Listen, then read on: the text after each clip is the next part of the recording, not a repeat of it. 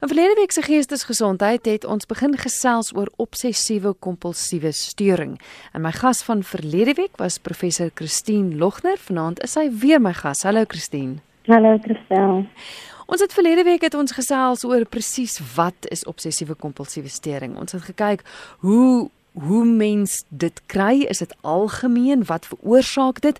Nou vanaand gesels ons bietjie verder, maar ek wil graag die program begin met so 'n paar SMS'e wat na die program deurgekom het. Um die een luisteraar sê ek wil net graag weet of my seun ook obsessiewe kompulsiewe stering simptome het.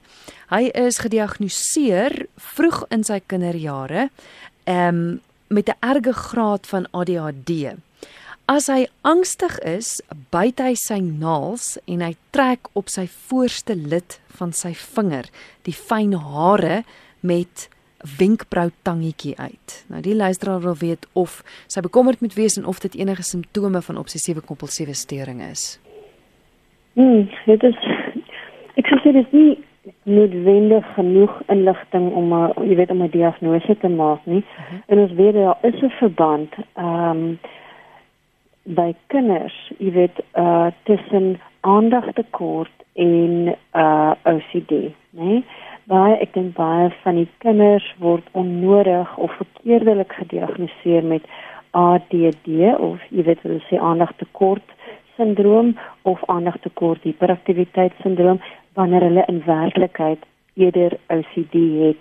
Uh, jy weet mense moet nou net nie verward raak nie, daar is definitief iets soos ADD en ADHD. Dit is so, maar ek weet baie van die kinders wat wat eintlik OCD het, word verkeerdelik met met ADD of ADHD gediagnoseer omdat hulle sukkel met 'n uh, konsentrasie. Jy weet hulle kop is besig met 'n uh, parallelle gesprek uh of of of ander gedagtes, jy weet 'n in, indringende gedagtes of hulle is besig met ritueeltjies um uh, jy weet onder die lesenaar of in hulle koppe Um so dit lyk asof hulle aandag weg is, maar eintlik is hulle aandag baie baie besig maar net met iets anders. Jy weet met met 'n OCD verwante ding.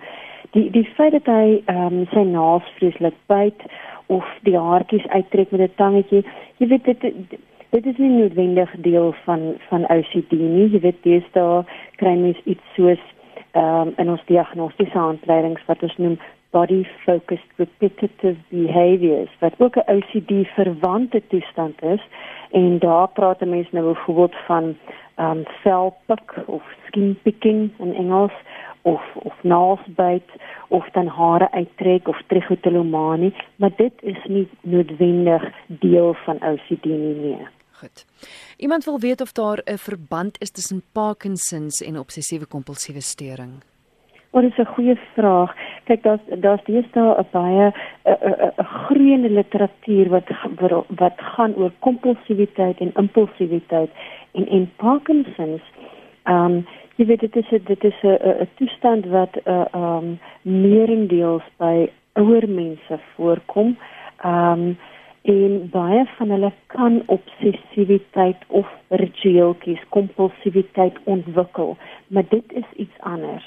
Ehm um, jy weet sowel daar 'n verwantskap is met jy weet moontlike kompulsiwiteit of impulsiewe gedrag.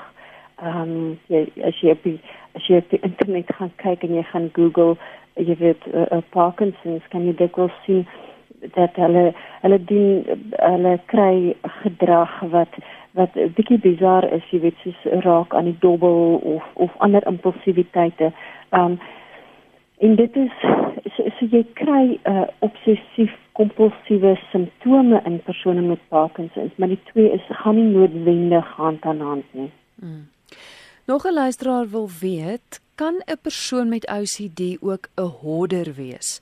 Opgaar van koerante hmm. wat hulle dan nie kan weggooi nie en hulle moet dit oor en oor lees om te sien of daar nog iets belangriks in is. O, definitief dit is dit is eintlik 'n dis eintlik 'n gelaaide vraag want want opgaar dit was tradisioneel was 'n deel van van OCD jy weet mense wat hierdie obsessie het met as hulle iets weggooi dan gaan die kennis wegraak. Of of as hulle byvoorbeeld iets van sentimentele waarde weggooi dan is die dan is die memory of die of die uh, uh gedagte aan daai gebeurtenis of van die persoon gaan dan wegraak.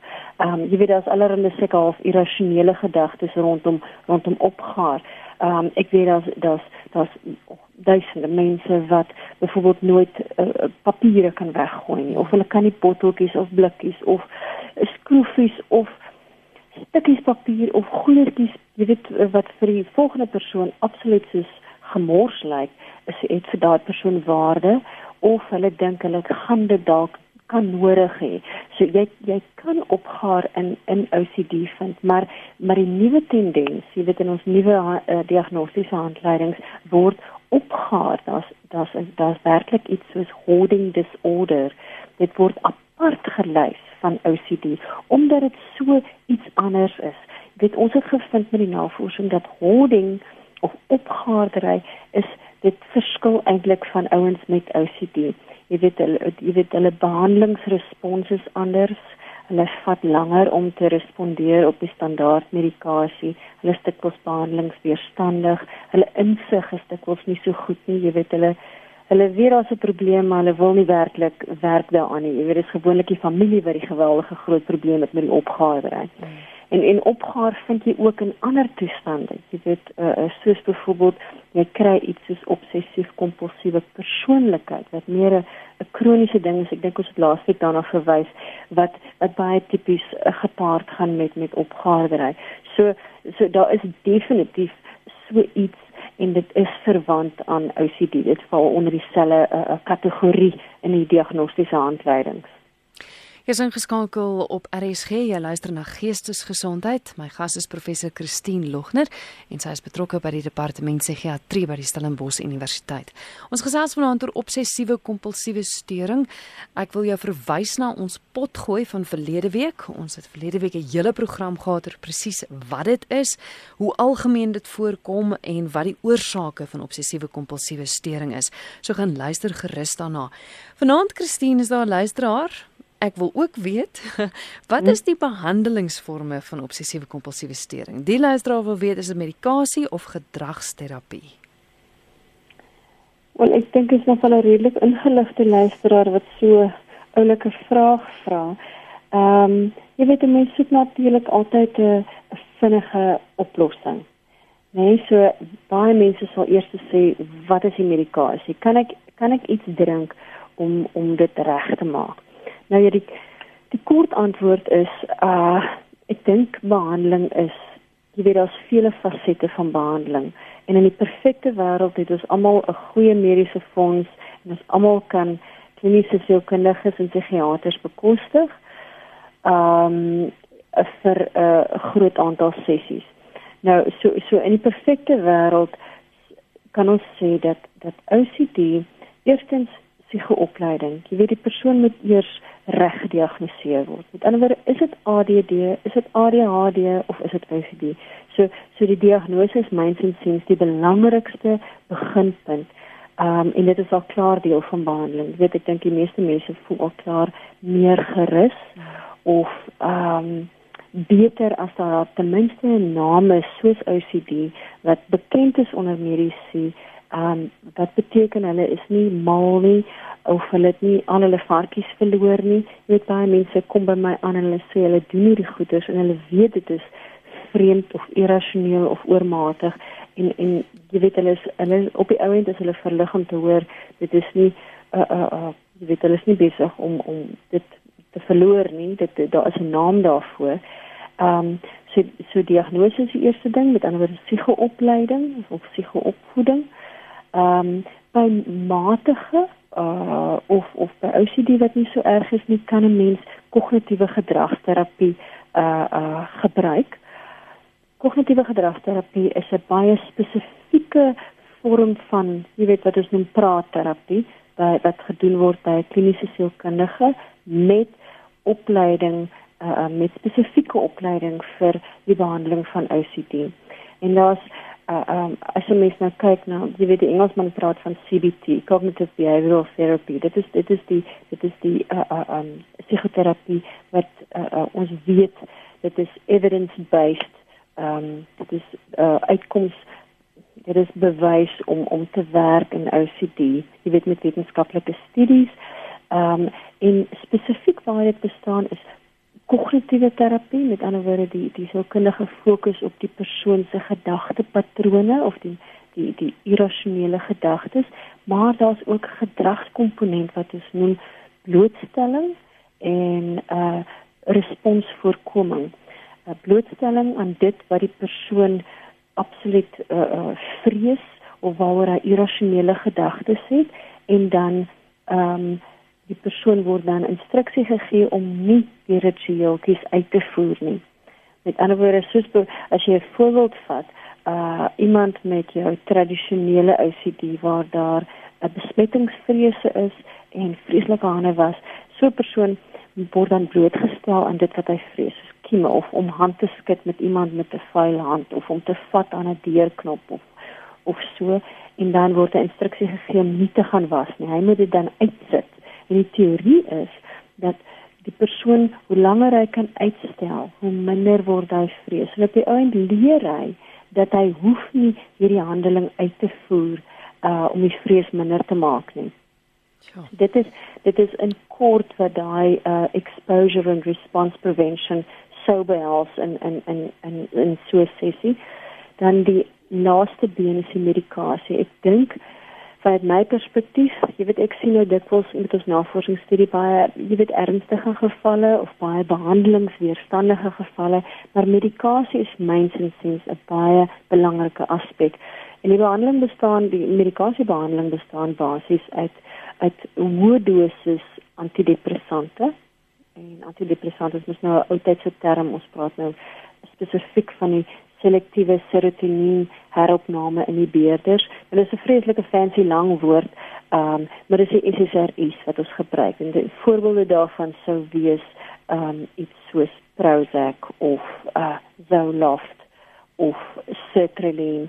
Jy weet daai tipe van uh, uh middels wat uh 'n uitwerking het op die serotonien, maar ook ander neurooordragstowwe. En is gewoonlik 'n uh, hoër dosis, weet baie hoër doses as wat jy tradisioneel sou kry in depressie. Selfde middel, maar net 'n baie hoër dosis. Ehm um, ek wil ook hier noem kristal dat jy weet hoe wel al die al die fantastiese nuus, dit is dit is regtig goeie nuus om te weet daar is behandeling, maar OCD ongelukkig, ek het in verlede week se sessie gesê dit is 'n uitdaging, dit bly 'n uitdaging. Hoewel 'n behandeling in teorie beskikbaar is, respondeer helfte van mense wat met medikasie begin, byvoorbeeld, net die helfte van hulle ehm um, reageer op daardie medikasie of reageer goed genoeg op daardie medikasie dat ons kan sê hulle is behandelings uh, res, responders. Hmm. Jy weet hulle dat hulle reageer op die behandeling. So dit is dit is dikwels moeilik. Jy weet, so die medikasie, as jy nie uh uh um reageer op die eerste SSRI waarop jy gesit word nie, dan moet jy nie moed verloor nie. Jy weet, daar is ander, daar's ander medikasies in daai selfde klas wat hulle dan probeer. Um daar's ander middels wat 'n mens kan byvoeg. Jy weet, so daar's altyd 'n plannetjie wat 'n mens kan maak. 'n Mens moet net nie ongeduldig raak nie. Hmm. Jy praat gereeld oor die navorsing wat jy doen. Hmm. Vertel my van die navorsing, wat behels dit? Ek ek is in 'n ek is in 'n navorsingseenheid wat begin is oorspronklik deur professor Dan Stein. Hy het intussen is hy die hoof uh, van psigiatrie uh, by die Universiteit van Kaapstad, maar hy bly die die die die direkteur van ons eenheid en hy het al hier in die 90er jare begin met sy werk op OCD en ons hou aan met hierdie navorsing oor OCD. Ehm um, aanvanklik was dit net uh kliniese navorsing, jy weet ek het 'n onderhoud gevoer met die pasiënte, soveel as moontlik inligting uit hulle gekry en ons het bloed getrek omdat ons geïnteresseerd was in daai neurooordragstowwe. Maar intussen het die wêreld vreeslik gegroei en en deesdae het almal 'n breinbeeldingskomponent by dieselfde met met ons eenheid. Ehm um, ek dink in Suid-Afrika is ons eenheid die enigste eenheid wat navorsing doen oor OCD en ons uh, is op hierdie stadium uh, 'n noue samewerking met 'n groot klomp leiers in die veld van OCD. Dit is nou, jy weet, wêreldwyd. Hmm. Ehm um, so ons is ons was bevoorreg uh om onlangs uh goeie nuus te gekry het dat ons het befondsing gekry van wat is noem die National Institutes of Mental Health. Uh dit is 'n liggaam in Amerika wat geweldig uh uh kapitaalkragtig is. En as jy eers befondsing van hulle afgekry het, as jy as jy daar's baie eise aan die aan die navorsers, jy moet jy moet uh, uithaal en wys. Maar aan die ander kant dit is ook uh, jy weet dit is 'n geweldige stap vorentoe. Want breinbeelding soos dit nou tipies is van ons deelnemers uh, dit is 'n baie duur transaksie wat nou verskriklik oulik is van hierdie 'n uh, groot nuwe projek dit is 'n uh, dit is 'n langtermynprojek oor 5 jaar en ons is een van 5 uh plekke waar presies dieselfde prosedures gevolg word so dit is ons hierso in Kaapstad um, en dan in Sao Paulo, uh, in New York, in Amsterdam en dan in Bangalore in Indië. Met ander woorde, julle sal hoor, daar is, jy weet, twee eerste wêreldlande en dan is daar drie van jou meer ontwikkelende uh, lande, maar ons doen presies dieselfde kliniese battery, met ander woorde, ons gebruik presies dieselfde skale. Ons doen presies dieselfde neurokognitiewe uh, battery, met ander woorde, ons doen dieselfde toetsies rekenaargebaseerde toetsies om te kyk na mense se breinfunksies. Uh, ons gebruik selfs die self selfde lap, dieselfde laptop. Nou dit klink eenvoudig vir die luisteraars, ek besef dit, maar dit was glad nie 'n eenvoudige oefening om dieselfde laptop in al vyf die lande op te spoor nie. Um, en dan die breinbeelde. Ek dink dit is die dit is die faset van die navorsing wat die meeste opwindend is. Hoewel ons uh, uh hoewel die scanners verskil. Jy weet jy kan nie net gou-gou 'n nuwe scanner gaan koop omdat hy verskil van die volgende site nie. Ehm um, gebruik ons dieselfde wat ons noem uh sequences. Ons gebruik dieselfde manier van beelde genereer met hierdie masjien. Ehm um, en ons kyk na die struktuur van die brein. Ehm um, ons kyk hoe die brein lyk as hy rus. Ons kyk hoe hy lyk as hy taakies doen. En uh en en ons volg presies dieselfde prosedures by al die uh, uh, plekke waar die navorsing gedoen word. En dit is nogal 'n vreeslike aanwinst want tot en met nou het die meeste uh, uh, navorsings eenhede, hulle doen hulle eie ding. Jy weet dan op die einde sit jy met 20 of 30 deelnemers.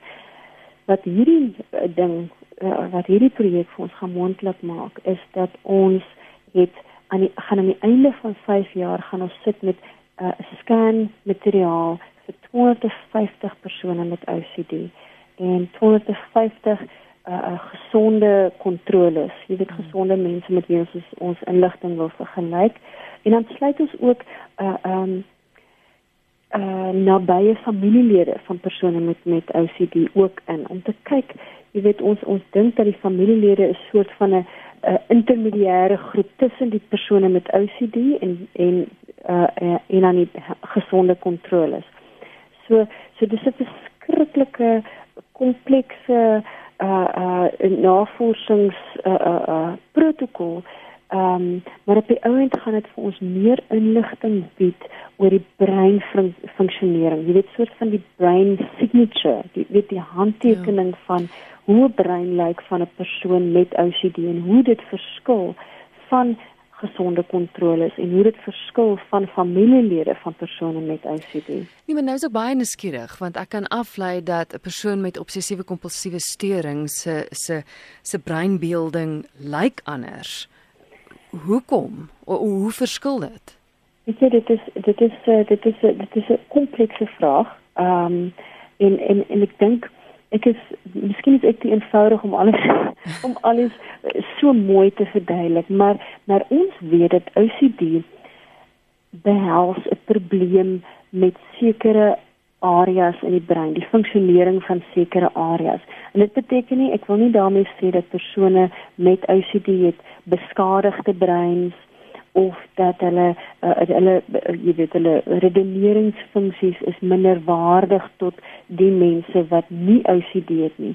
Uh definitief nie, maar hulle het patrone van breinaktiwiteit op sek in sekere areas wat verskil van persone sonder OCD. So. Maar nou weer eens, jy het laas my gevra of of een van die luisteraars het gevra, hoe maak jy die diagnose? dit beteken nie ek kan iemand se kop oopmaak en 'n en 'n breinscan doen en sê ja nee, hierdie persoon het definitief OCD of hy het depressie omdat baie van hierdie areas so oorvleuel. Jy weet uh uh jy weet as die uh, talamus byvoorbeeld hy is betrokke by 'n magt om uh uh um, emosies en en en psigiatriese toestande. So ou kan jy net sê o, jy weet hier is die talamus nou totaal oor opgewonde uh dis OCD. Ons kan nie ons kan nie dit sê nie, maar wat ons wel kan sê is dat persone met OCD, daar sekere breinareas waar die aktiwiteit beslis verskil. Betekenisvol verskil van mense wat wat jy weet wat 'n gesonde gesonde persoon is. Nou, hierdie is 'n hulpprogram en dit voel vir my hierdie is so 'n absolute praktiese manier om mense te help. Want mm. verstaan ek reg, julle is op soek na mense om deel te word van julle navorsing? Definitief kyk sonder sonder deelnemers kan ons niks doen. Ons ons jy weet daar daar sonder kan ek kan niks van hierdie geld wat ons gekry het uh uh niks van hierdie fantastiese beloftes wat ons gemaak het aan die aan die National Institutes of Mental Health en dit oorspronklike protokol niks daarvan kan waar word sonder dat ons deelnemers het wat bereid is om hulle storie te vertel nie. Jy weet so enige iemand wat gediagnoseer is of wat dink hy het uh, uh, OCD kan kan ons kontak. Jy weet in ons doen hierdie assesserings. Ehm um, ek doen ek doen 'n sifting eers oor die telefoon dan as jy in die Kaap is Jy weet natuurlik dit is nou dit is nou een beperking ons het net 'n plek hier in die Kaap waar ons pasiënte sien. So ongelukkig sluit dit dan mense in ander dele van Suid-Afrika uit. Maar onthou nou, baie van die mense wat nou luister, hou lekker vakansie in die Kaap. Uh ons kan ek sal 'n plan maak om jou te sien oor jou vakansie as as dit vir jou 'n saak van belang is. Ah. Oh. Jy weet. So en en dit is alles dis gratis evaluasies, die persoon kom in. Ehm um, dit is lank. Jy weet hulle moet maar 'n pap eet voordat hulle kom. Ehm um, maar en dit is basies invul van 'n klomp vraelyste en dan 'n on, onderhoud met my waar ek jou diagnose sal bevestig of nie.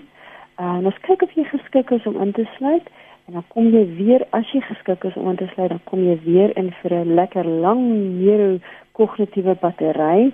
Dis lekker taakies. Uh, dit het behoorlik vir my oor aangesit die eerste keer wat ek dit gedoen het. Um dit dit dis oulik. Uh, dis nogal soos die Engelsman sê sterwe art stuff.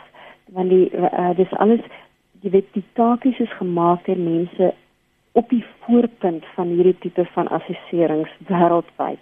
Uh so dis nogal interessant.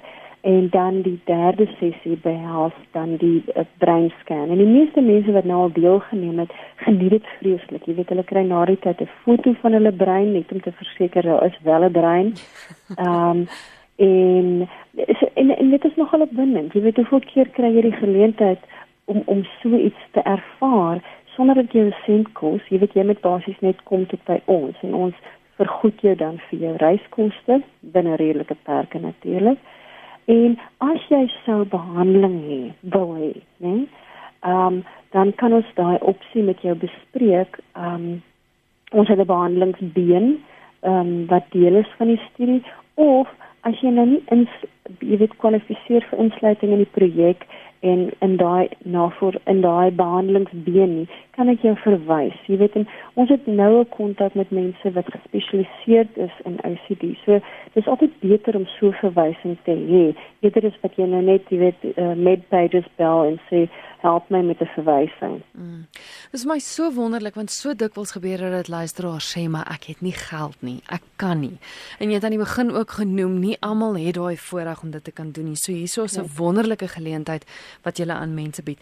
Maar Christine, wie wie kan deelneem en wie kan nie deelneem nie? Buite nou, soos jy gesê het, jy weet jy is bietjie beperk wat die Kaap aanbetref. Ehm um, ja, maar wie kan die, deelneem? Ja, dit is nou jammer van die Kaap, né? Die Kaap is 'n wonderlike plek, maar daar is net een Kaap en ja. en en dis jammer dat ons in Suid-Afrika nou net een plek het, maar dit is nou soos dit is. Ehm um, so wie kan deelneem? enige iemand met OCD of waar daar vermoede is van OCD.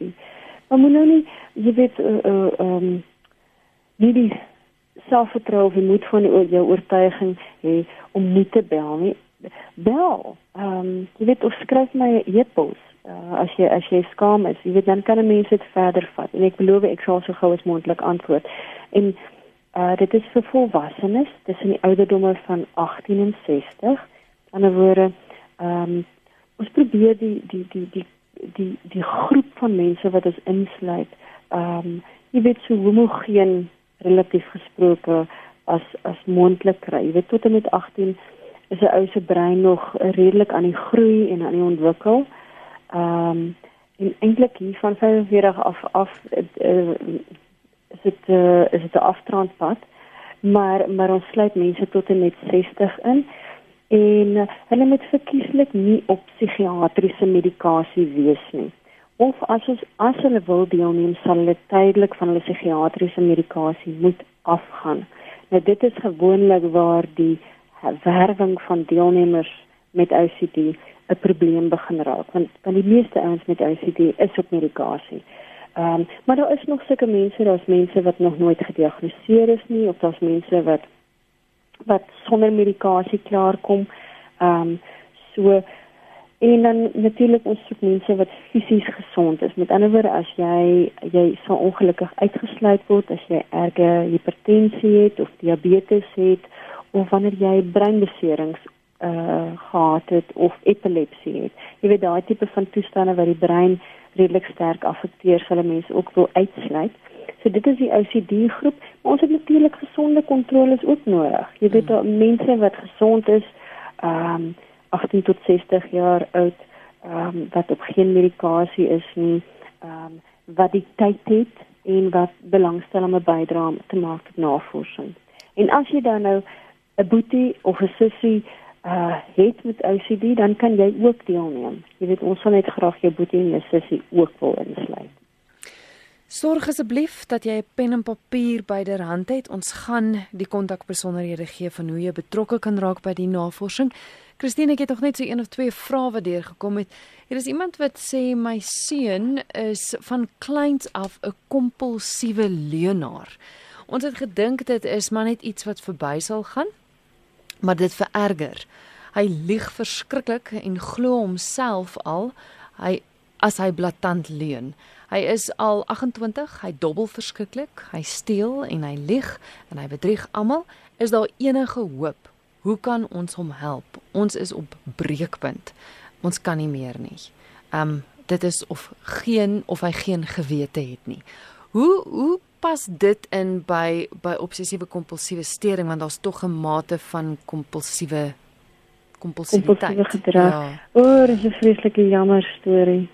Jy weet as jy as jy as jy 'n leeftyd van hierdie tipe gedrag van kleins af ehm um, openbaar en jy is nou al 28 en dit het nog nie verander nie ten spyte van die feit dat jy uitgevang is of gestraf is uh ensovoorts. Jy weet dit dit dit klink nie vir my nou OCD nie. Jy weet die meeste persone met OCD uh het goeie insig.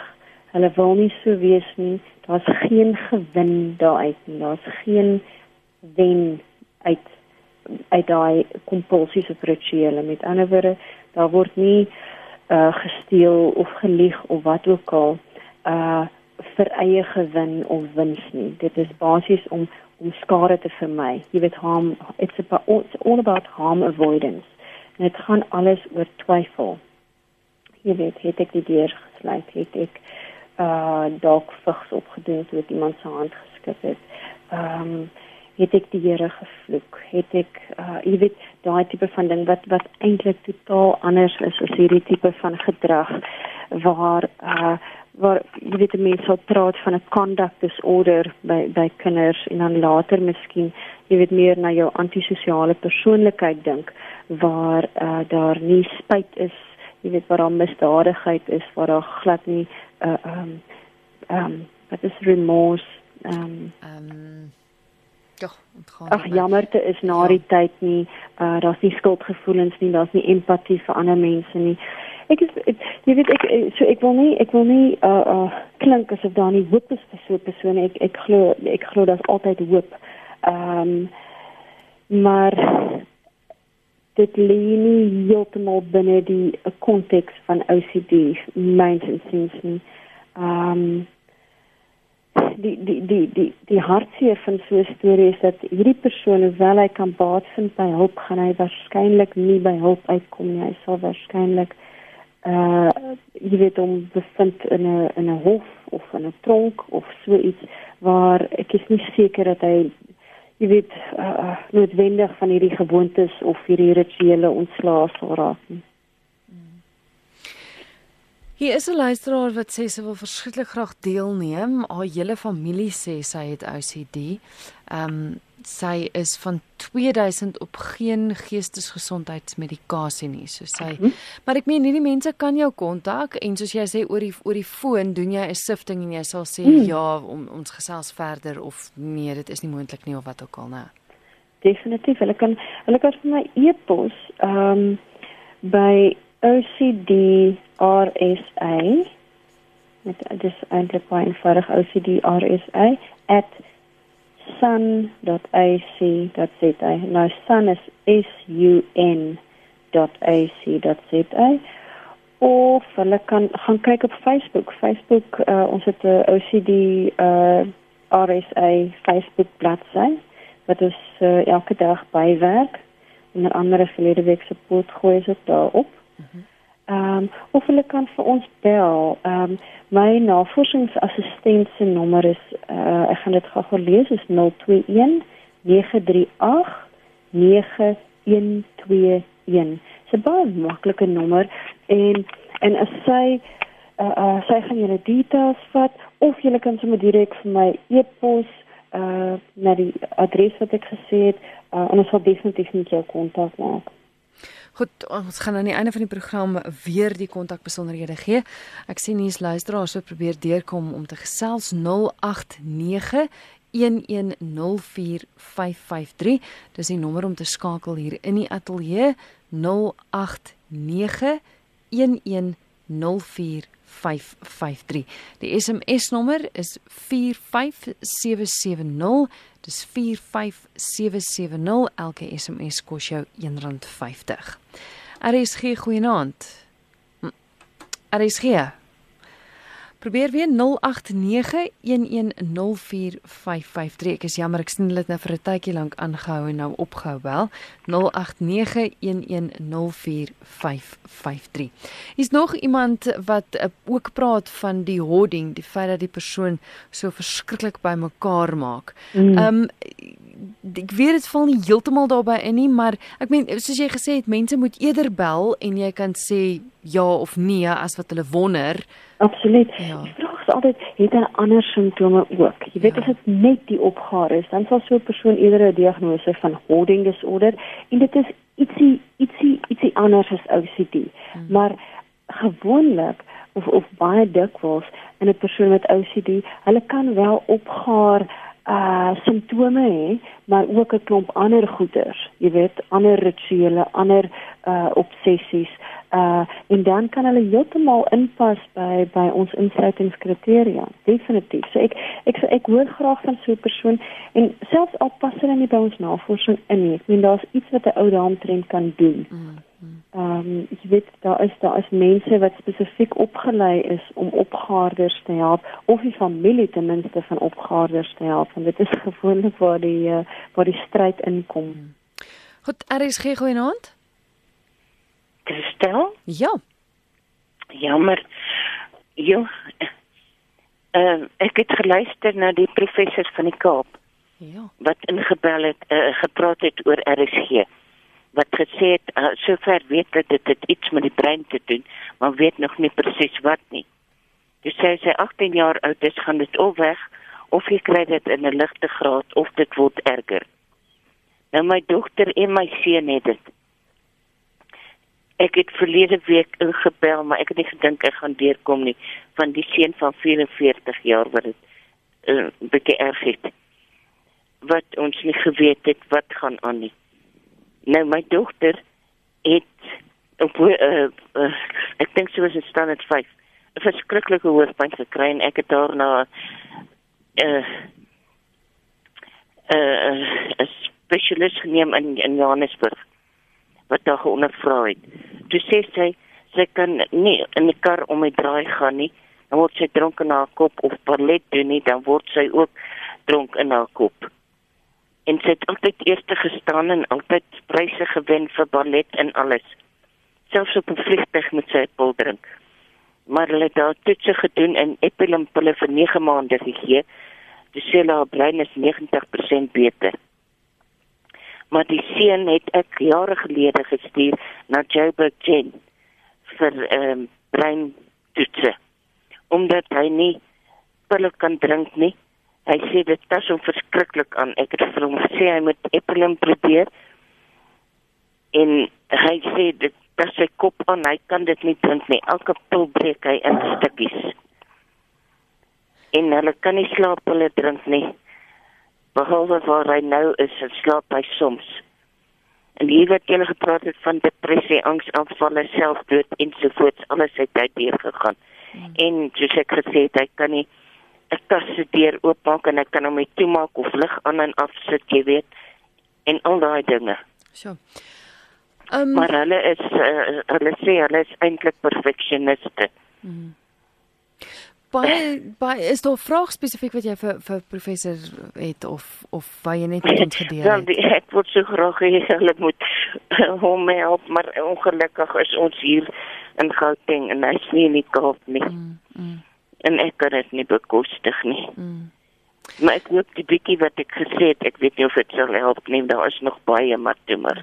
Ag maar dankie vir die bel en baie sterkte. Dankie. Okay. Bye.